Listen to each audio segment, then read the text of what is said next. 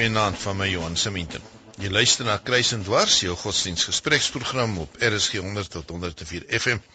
Dis natuurlik vandag Moedersdag en al die ma's dwars oor die land. Ons hoop julle het 'n baie wonderlike dag gehad waarin die kinders julle bederf het. Van ons kant af dankie vir alles wat julle vir ons doen in die land. Omdat dit Moedersdag is, gesels ons oor vroue in die Bybel.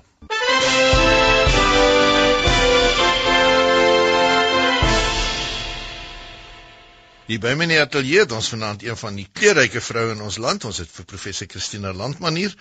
Sy is 'n tentmaker in die VGK gemeente Dullstroom. Sy is professor van teologie by Unisa. Sy spesialiseer in geselsterapie. Sy skryf gereeld en ons in die hele land weet hoe interessant en kleurryk sy is. Baie welkom hier by ons vanaand, Christina. Goeienaand. En dan het ons ook op die telefoon vir ewe kleurryke Elsje Boegner. Sy is 'n dokter in die teologie. Sy is 'n dominee by die Luxmoenie gemeente en sy skryf ook rubrieke en is ook gereeld in die nuus. Dis lekker dat jy ook by ons is, Elsie. Baie dankie Johan, hallo Christina. Hallo. Ons wil genaamd 'n bietjie praat oor vroue in die Bybel en ek dink ons kan die eerste helfte van ons program 'n bietjie spandeer aan aan die Ou Testament en dan weer na die Nuwe Testament. Maar Christina, dwars deur die geskiedenis van die Ou Testament, is dit nie asof vrouens nie 'n rol speel nie. Baie keer is hulle eintlik ontken, maar daar's ryk tradisies van vrouens in die Bybel. Ja, daar's baie sterk vroue tradisies in die in die Ou Testament. Kyk, uh, dit was maar eintlik die vroue, die ma's wat die tradisie oorgedra het. Die mense was ongeletterd, nie nie omdat hulle dom was nie, maar jy weet dit was party mense se werk om te skryf en ander mense se werk sê om vis te vang of kos te kook of so en die mense was meestal ongeletterd so die tradisie en die verhale van die tradisie. Dis deur die vroue oorgedra waar hulle nou ook al in kampe gewoon het of in in huise wat in sirkels gebou was dan uh, die vroue saam gekook en dan ook in die aande dan die die tradisies oorgelewer en die verhale vertel. En eintlik daar is uh, baie pragtige liedere wat vroue sing in die Bybel wat eintlik die oudste dele van die Bybel is soos die lied van Deborah. Dink dis die heel oudste deel in die Bybel. Daar's ook nog die lied wat Miriam sing in Eksodus 15 rond. Ehm um, uh Deborah is die rigter 656 en dan het ons nog Hanna se lied nadat sy gevra het dat die Here vir haar kind gee, so dit was ook nie 'n onbenullige uh, iets om vir die Here te vra nie en die Here het geluister en daar sing sy dan 'n lied. Wat is dit 1 Samuel 2. En wie nog? Ja, natuurlik Maria se pragtige lied wat sy sing in in Lukas 1. Ehm, um, weet jy as jy na die Psalms kyk, Psalm 46, dan staan daar bo aan sing hierdie lied op die wysie van die jong vroue.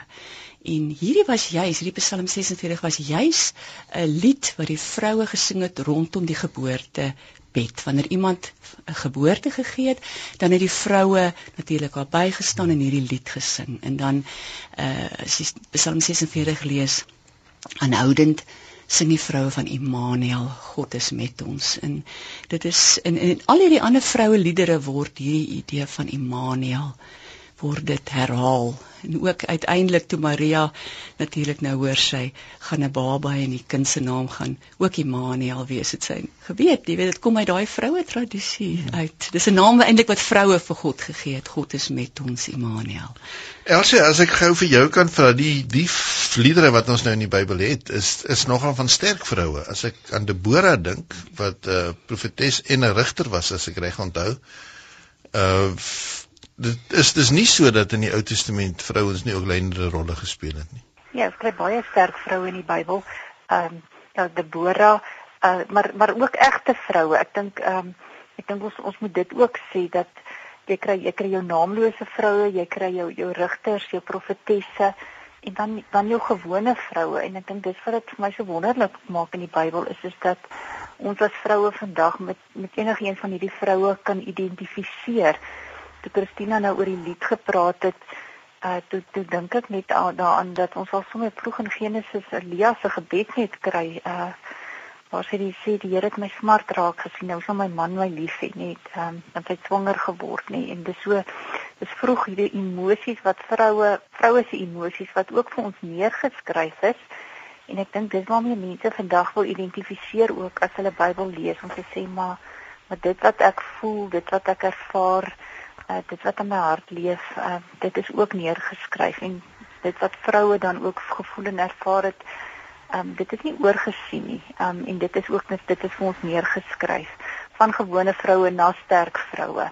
So ek dink ons is 'n bietjie mispersepsie of wanpersepsie dat ons dink dat dat net een soort vrou so goed is en dalk die Bybel gehaal, maar dat, dat hierdie wye spektrum tog vir ons neergeskryf is en dit moet vir ons tog inspireer vandag en dink dat ons hierdie tekste moet raak lees en ons eie moet maak. Is my interessant as jy dit doen Christina as jy werk met uh, met geselsterapie of so dan sou jy dikwels van die vroue gebruik. Want daar's tog baie sterk uh, hartseer oor kinderloosheid, 'n lyn wat ons reg deur die Ou Testament kry. Daar's die hartseer oor mense wat dood is, die ja. verlies van mans ensovoorts. Vertel 'n bietjie vir ons hoe ons die Bybel so kan gebruik. Ja, ek dink dit werk. Ek het gevind dit werk baie genesend op vroue in wat groot verliese gelei het. Wanneer hulle kan eh, identifiseer met die vroue in die Bybel, omdat die vroue in die Bybel het, het soos ons almal verliese gelei. Hulle het hulle kinders verloor, hulle het hulle verhoudings verloor, party hulle gesondheid verloor. Tipiese verliese wat ons almal ly.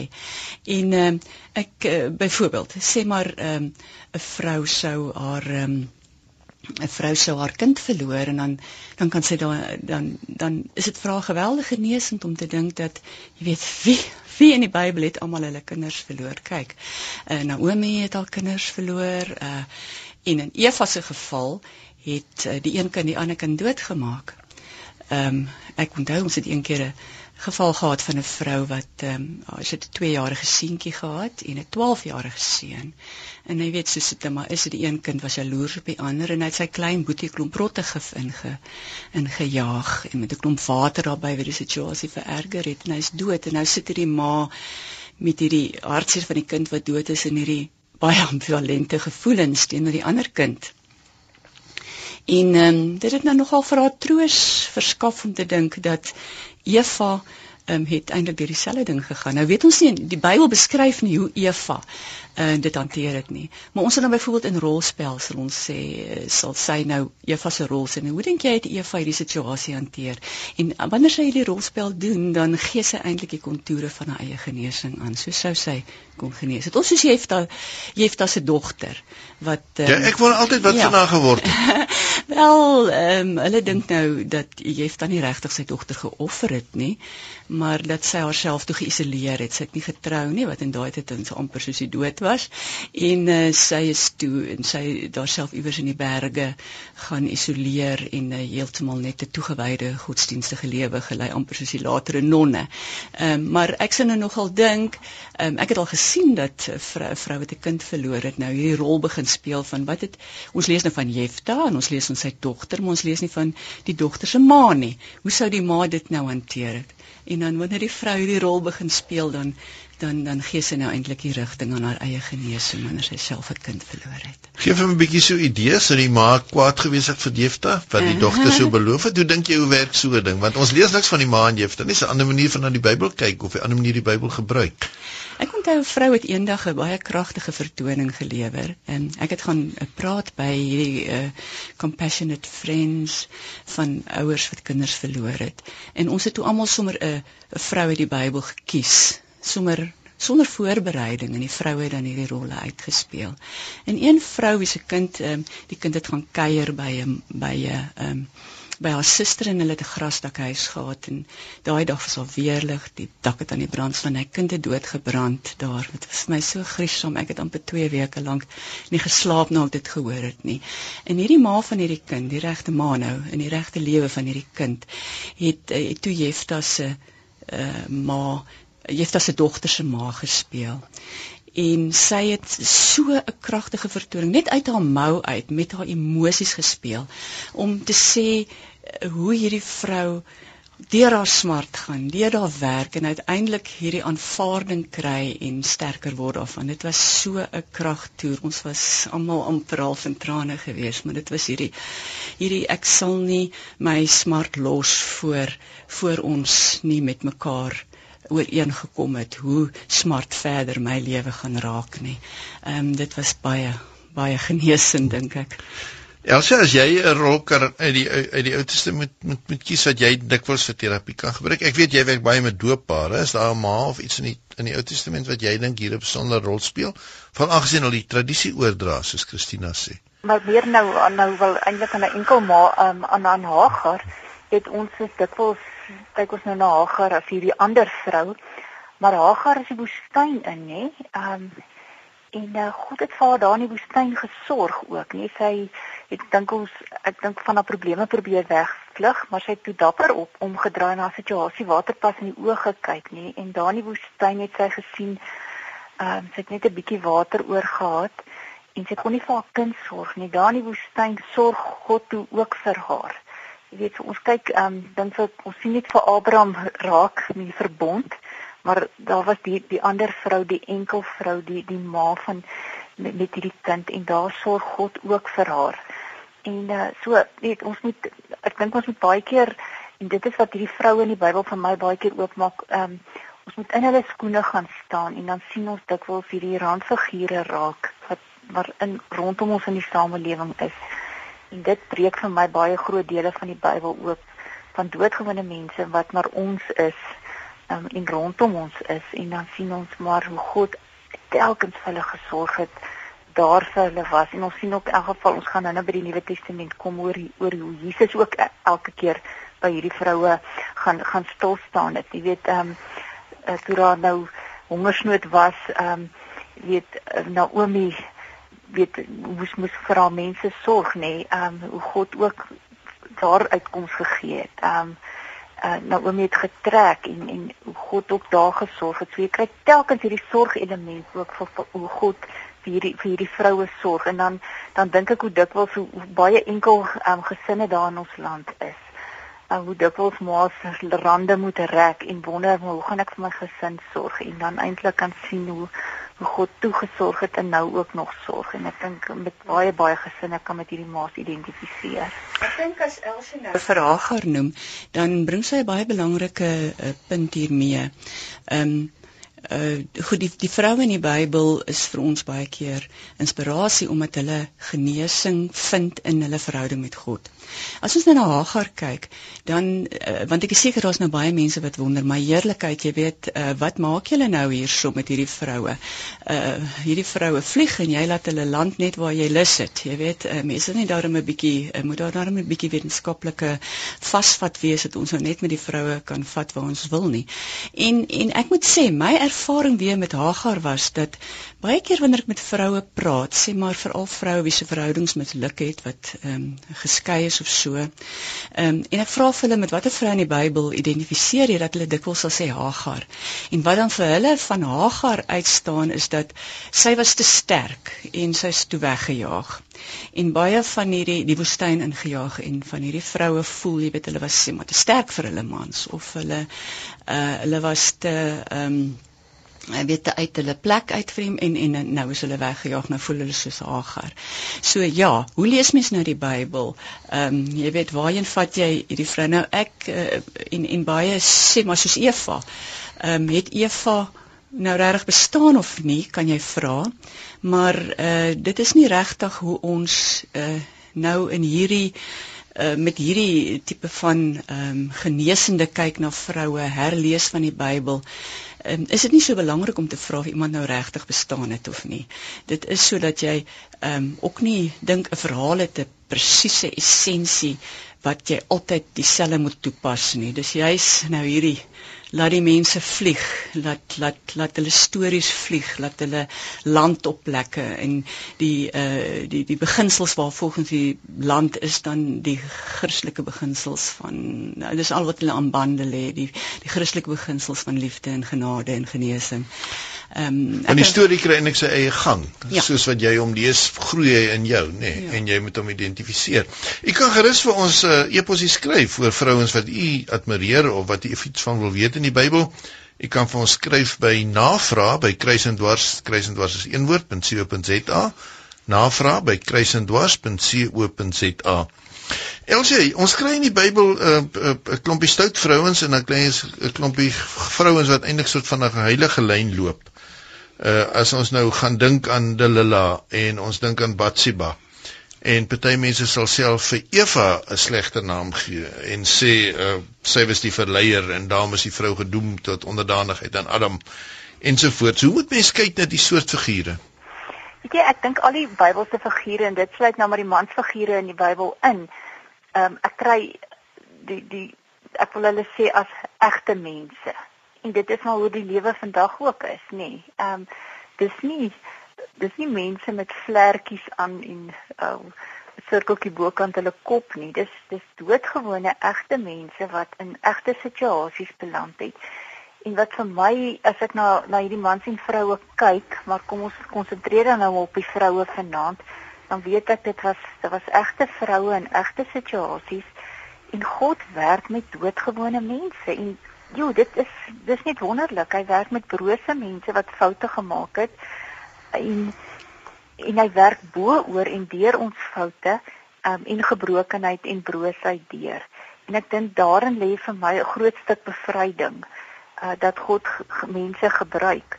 Ek voel Abraham, 'n Dawid, um, al ons geloofshelde ook as mens na hulle gaan kyk net dan was hulle ook maar egte mense met met 'n stuk broosheid in hulle en en dan het God hulle gebruik. So ons moet oppas om baie keer dan sal ons sê maar joh as dit nie vir Eva was nie maar maar Adam het ook ook gesondig. Jy weet so ons ek dink ons moet baie versigtig wees om net sekere vroue of sekere mense te etiketeer. Dit is ook maar 'n sonde van ons tyd om net etikette om rondom mense se ja. nekke te hang. Ehm um, ek ek wil nogal graag daai mense of die mensheid raak sien en dan hmm. Moet ons dan moet my deur gaan nuwe testament om te sien maar die Here het vir 'n brose mensdom gesterf op die ou einde en dit omhels. Goed, Christina, wou jy inkom? Ek sien ja, sy brand. Ja, ek ek ek ek ek wil nou my lansie breek vir Eva, maar ek dink die verhaal van Eva en die manier wat ons haar gelees het, sê eintlik hoe het die uh hoe het die, die verskillende lees van die Bybels nou verander oor die tyd. En ek dink toe Eva nou maar meestal net deur um, mans gelees is, was was was sy die slegte vrou en baie van die vroue in die Bybel as hulle ooit ter sprake gekom het, um, was omdat hulle sleg was en ons moet nie soos hulle wees nie. Ehm um, iemand het eendag vir my ek het vir iemand gevra maar wat van Debora toe sê jy weet dit wys jou in watter toestand die volk was dat die Here selfs 'n vrou moes gebruik het um, om hulle um, uit uit teen die vyand op um, uit te laat optrek. En um, maar maar van daardie toe die vroue na die Bybel begin lees het, toe, toe het hulle nou nie natuurlik nou nie op die slegte vroue gekonsentreer nie. Hulle wou dit juist ondermyn en toe het hulle maar meestal gekonsentreer op vroue as slagoffers. Jy weet die vroue het nou so swaar gekry bla bla. En nou is dit ook nie meer mode nie. Nou lees ons die vroue eintlik meer as agente, as as aktante, as mense wat opgetree het. Kom ons vat nou vir Eva se voorbeeld. Ehm um, Eva Eva, um, kom ons vra nou nie of sy nou regtig geleef het of nie. Ons vra gewoon vat gewoon die verhale in die Bybel. Die verhaal soos in die Bybel staan.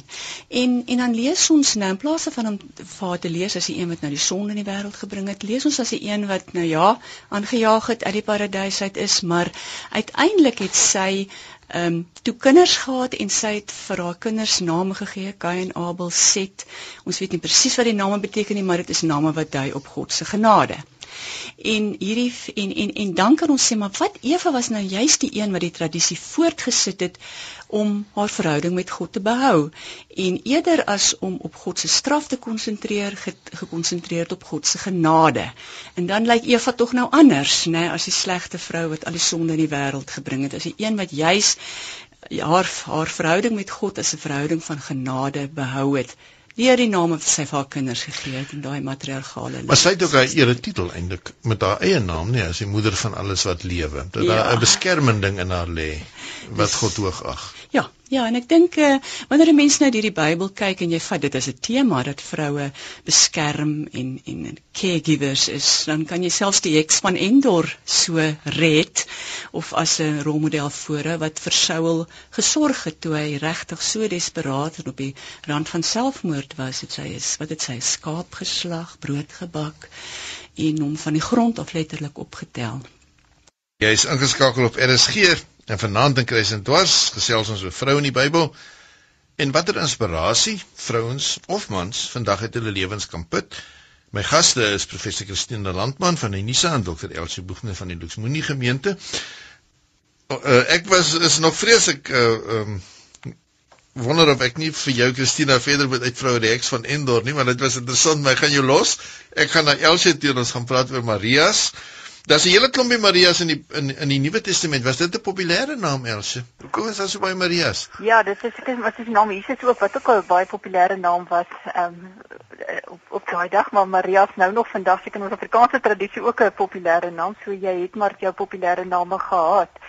Wat vir my uitstaan van Maria, die moeder van Jesus nou, uh was die lied wat sy gesing het, uh wat ons nou noem in ons tyd die Magnificat, uh wat beteken mos ek besing die grootheid van die Here. Ek dink wat ons nou maar miskyk eintlik net wat ons ook nou maar vergeet was dat sy baie jong dogter was nie. Uh en dat sy na haar lied uit die psalms aanhaal wat beteken dat sy die Torah, uh die ander woorde Hebreëse wet en Hebreëse geskrifte moes geken het wat eintlik versommend was vir daai tyd eintlik. En um dit dit dis eintlik 'n baie aangrypende lied ook wat sy gesing het in in daardie tyd toe die geboorteaankondiging gebeur het. En dat daardie lied eintlik ons nou ons groot komponiste geïnspireer het wat was Bach dink ek om om dan die Magnificat wat nou vandag nog gespeel word um te komponeer. Um, maar wat dan nou iets sê ook van daai pragtige lied um Christina het aan die begin van die liedere gepraat uh, wat ons nou nog vandag nog baie lees oor Kerstyd so Maria um, wat as jong dogter eintlik haar tot beskikking gestel het. En dan hoe Jesus dan ook vir vir sy ma sorg ook. Ek dink as ons nou dan die volle sirkel moet stap hier na Paastyd toe wat vir my aangrypend ook was is toe Jesus by die kruis dan eintlik vir geloofsfamilie dan sê uh vra dat hulle vir sy ma moet sorg. Nee hy het nie net uit na geloof gelowiges gekyk en gevra dat hulle vir sy ma moet sorg. Dit is vir my ook een van die aangrypende ding rondom Maria. En dis een van die lekker goed waarmee ons kan speel, maar wag, die epos se rol, dit is my lekker. Ons het twee joernaliste wat vir ons hier skryf. Adri Louise van Reenen sê Esther was 'n amazing strateeg en is vir haar 'n inspirasie. Natuurlik was daar 'n paar ander strateë ook. Uh, Elise Parker praat oor Rebecca en ons kom nou terug na haar toe. Maar as jy se vinnig Christina iets oor Esther wil sê, die skoonheidskoningin wat toe op 'n vir die redding van die volk verantwoordelik was. Nee, wat ek dink sy praat vir haarself. Ek gaan maar nie iets oor haar sê nie. Is jy nie lief vir Esther nie? Ehm um, nee, weet jy, uh, ek dink daar raak ons nou 'n ding aan van Ehm uh, miskien wat tog 'n bietjie op die magloosheid van vroue in die Bybel wys dat hulle maar net sekere metodes uh, tot hulle beskikking gehad om wel 'n uh, bietjie inset en mag te hê soos om, om met jou lyf of met jou vrugbaarheid of met jou trou vermoë soos Rut in hulle. Jy weet soos, soos Boas word wakker en hier lê Rut by sy voete en ons is nie heeltemal seker waar sy voete op daai stadium was nie, die tipe ding. En wat eintlik vandag bevrydend is is om te dink dat vroue daarom meer strategieë moontlik uh, wat hulle kan gebruik om deel te wees van die van die dominante diskurs en dat hulle nie soos Esther ehm um, nou haar skoonheid of haar liggaam moet gebruik. Of haar liggaam gebruik. Aan die ander kant is heel waarskynlik die wonderlike van Esther is dat sy bereid was om alles te gee in moeilike tye. Michelle hmm. stryd om sê jy's dis wat haar van Esther inspireer. Daar sien jy, daar vlieg Esther se verhaal en dit land kom sit hy by mense. Verskillende plekke. En dis fantasties. Elise Parker sê weer Abigail is vir haar belangrik want sy was 'n vredemaker toe Nabal so aaklik was met Dawid en hy homself amper daardeur vermoor gekry het dit sy met tak en voorsienigheid die situasie gered. En daar het sy nie haar skoonheid gebruik nie. Lyk my skoonheid het later ja. bygekom, né? Nee, toe Dawid daar op haar verlief geraak het en vir 'n vrou gevat het, maar toe was haar man al dood. Ja. Ons praat baie keer uh, van vroue wat covert power gebruik, bedekte mag gebruik. Ehm um, jy weet ons sien dit ek sien dit maar baie dat vroue wanneer hulle voel dat hulle nie mag in 'n verhouding het nie, dan gebruik hulle hierdie covert power. So sê maar om om swanger te raak of om ehm um, of om sub uh, onderdanig te wees of om jy weet subtiele dinge te doen of om liefde te weerhou of om ehm uh, vroue het baie metodes van van bedekte mag wat hulle gebruik. Wat eintlik jammer is dat hulle dit so moet gebruik dat hulle nie kan uitkom en dit gebruik nie.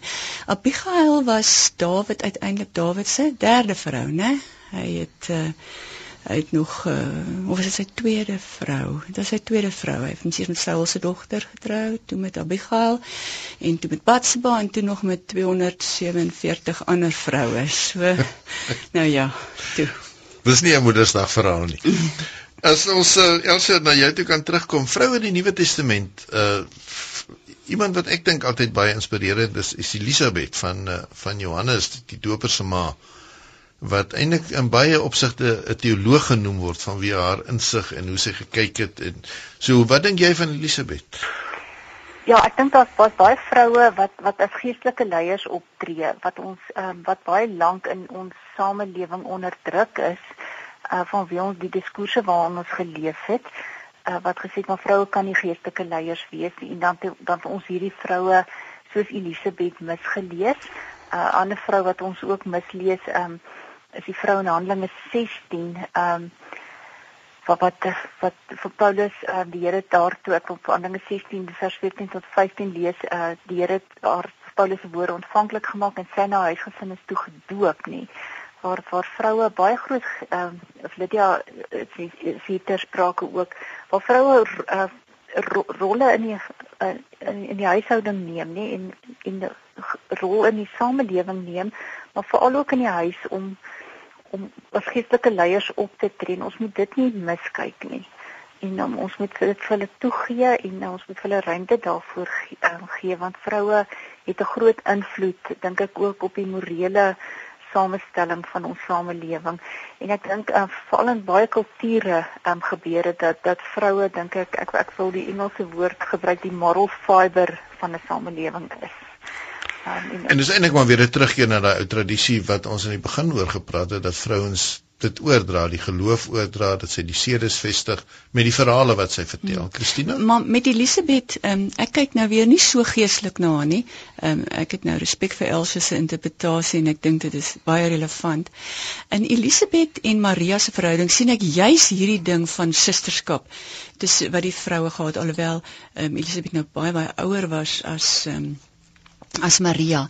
Maar ek dink in in in Bybelse tye, ons praat nou van 'n baie lang tyd, maar ehm um, het het het vroue meer bymekaar gestaan wanneer deur die oorgangstye, deur geboorte, deur ek weet nie of daar vroue toe al oud genoeg ge, gewees het om 'n menopause te hê nie, maar hulle deur al hierdie goeters bymekaar gestaan en dit is nou nogal iets wat ek dink ons in die moderne samelewing verloor het, is hierdie sisterskappe tussen vroue. In in Amerika praat hulle deesdae van girl theology. Dan vat die ouer vroue, werklik die jonger vroue sê maar in die bos in of vir 'n kamp of so en leer hulle hulle teologie. Jy weet en, en ons het 'n bietjie Maar dis nou iets anders as chiclet, né? Nee, dis Ja, ja. Jy kan nie van chick teologie praat. Ja. Okay, daar is ehm um, uh, is ek saam sê met Elsje nie nie so groot onderskeid gemaak tussen geestelik en fisies nie en dat die verhouding tussen Elisabeth en Maria waarskynlik die van van amper moeder-kind of moeder-dogter of of susters was, maar al hierdie goed het 'n geestelike dimensie gehad waar waar waar ouer vroue leiding gegee het aan aan jonger vroue oor die fisiese aspek van moeder wees maar ook oor die tradisionele en geestelike aspek van moeder wees. Die ander ding wat my opval in die Nuwe Testament is baie keer dat vrouens wat met Jesus in aanraking kom nie name het nie. Die vrou wat aan bloedvloeiing gelei het, die vrou wat in ontug betrap is ensovoorts. Ja. Hoe moet mens daarna kyk? Wel aan die ander kant wanneer Jesus sê ehm um, uh gelykenisse vertel, speel vroue 'n belangrike rol daarin, né?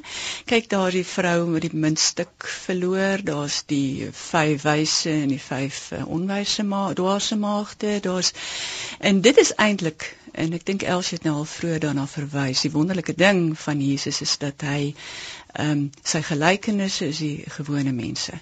En dit is nie net sê maar mans nie, dit is kinders, die verlore seun, dit is uh arme mense, dis ryk mense, dis uh, slawe en dis vroue en ook die wat van die gelykenis van die suurdeeg en daar's daai gewone menslike huislike moederlike omgewing waaruit Jesus se gelykenisse kom. Maar nou eh, as jy nog 'n epos hier gekry Liesel Malang Miller van die Parel sê Eva is haar gunsteling vrou in die Bybel. Ja, jy het 'n mooi ding oor Eva hier gedoen. Wat interessant is is dat die Christen om baie keer daarvan beskuldig word dat hy eintlik die onderdrukker van die vrou is en dat hy uh, vroue regte weggeneem het.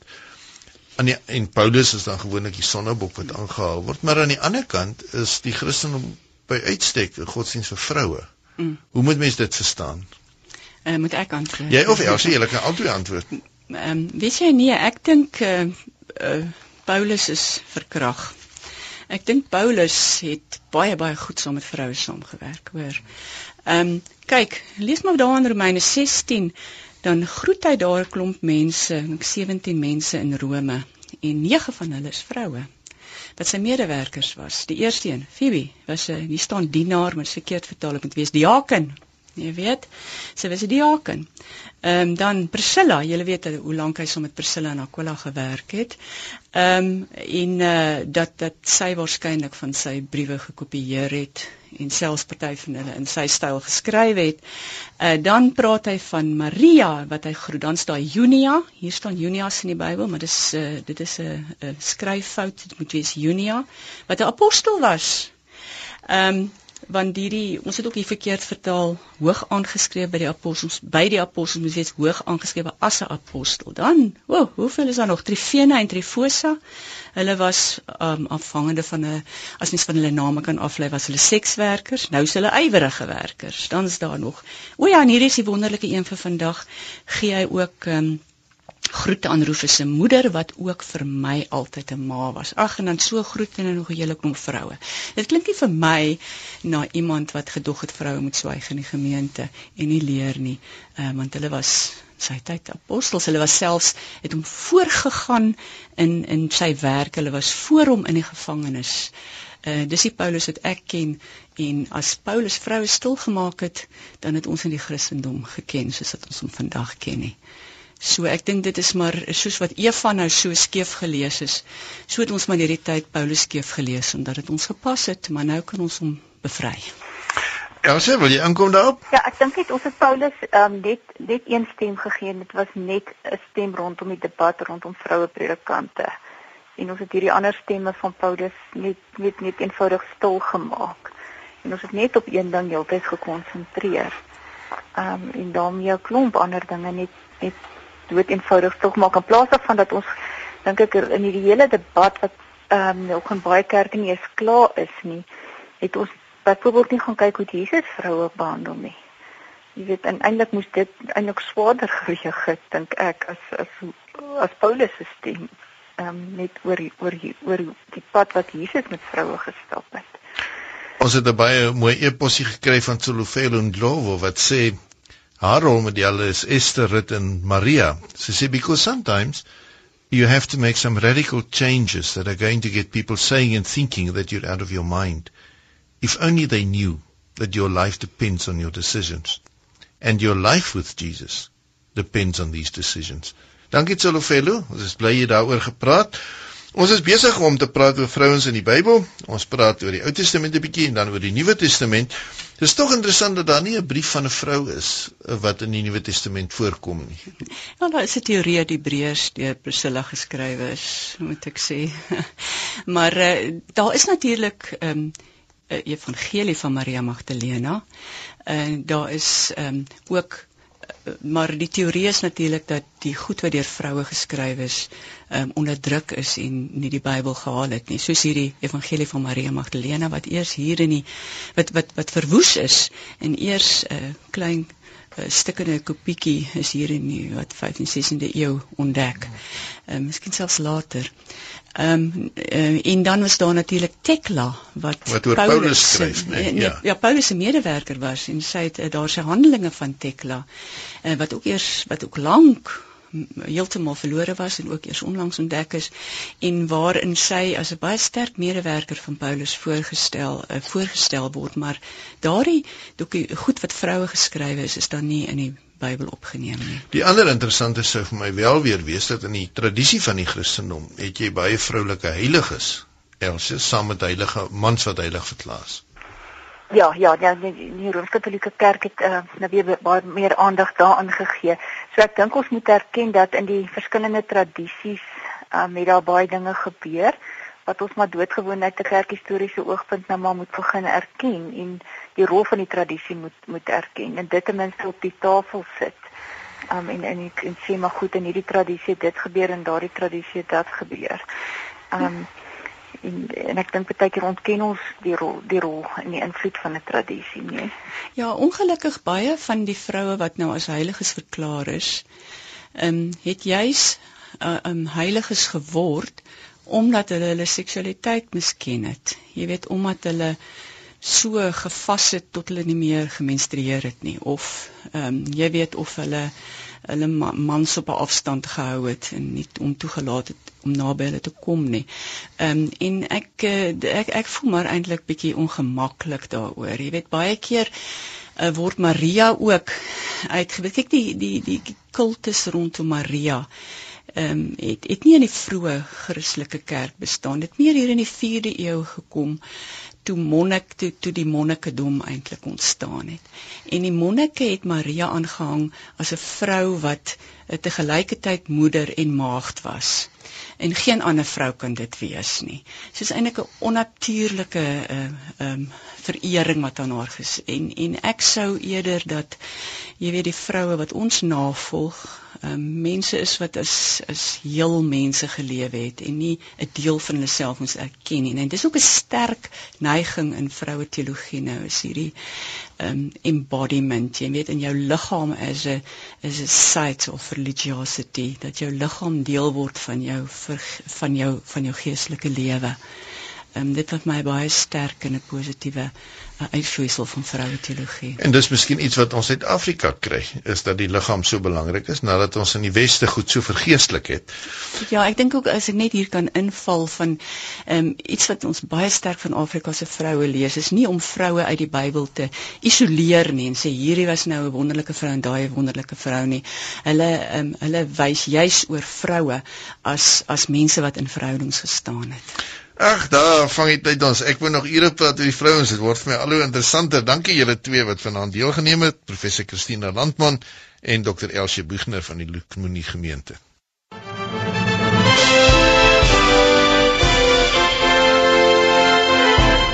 Net voordat ons terugskakel na die ateljee in Johannesburg, groet ek vanaand namens ons span in Kaapstad.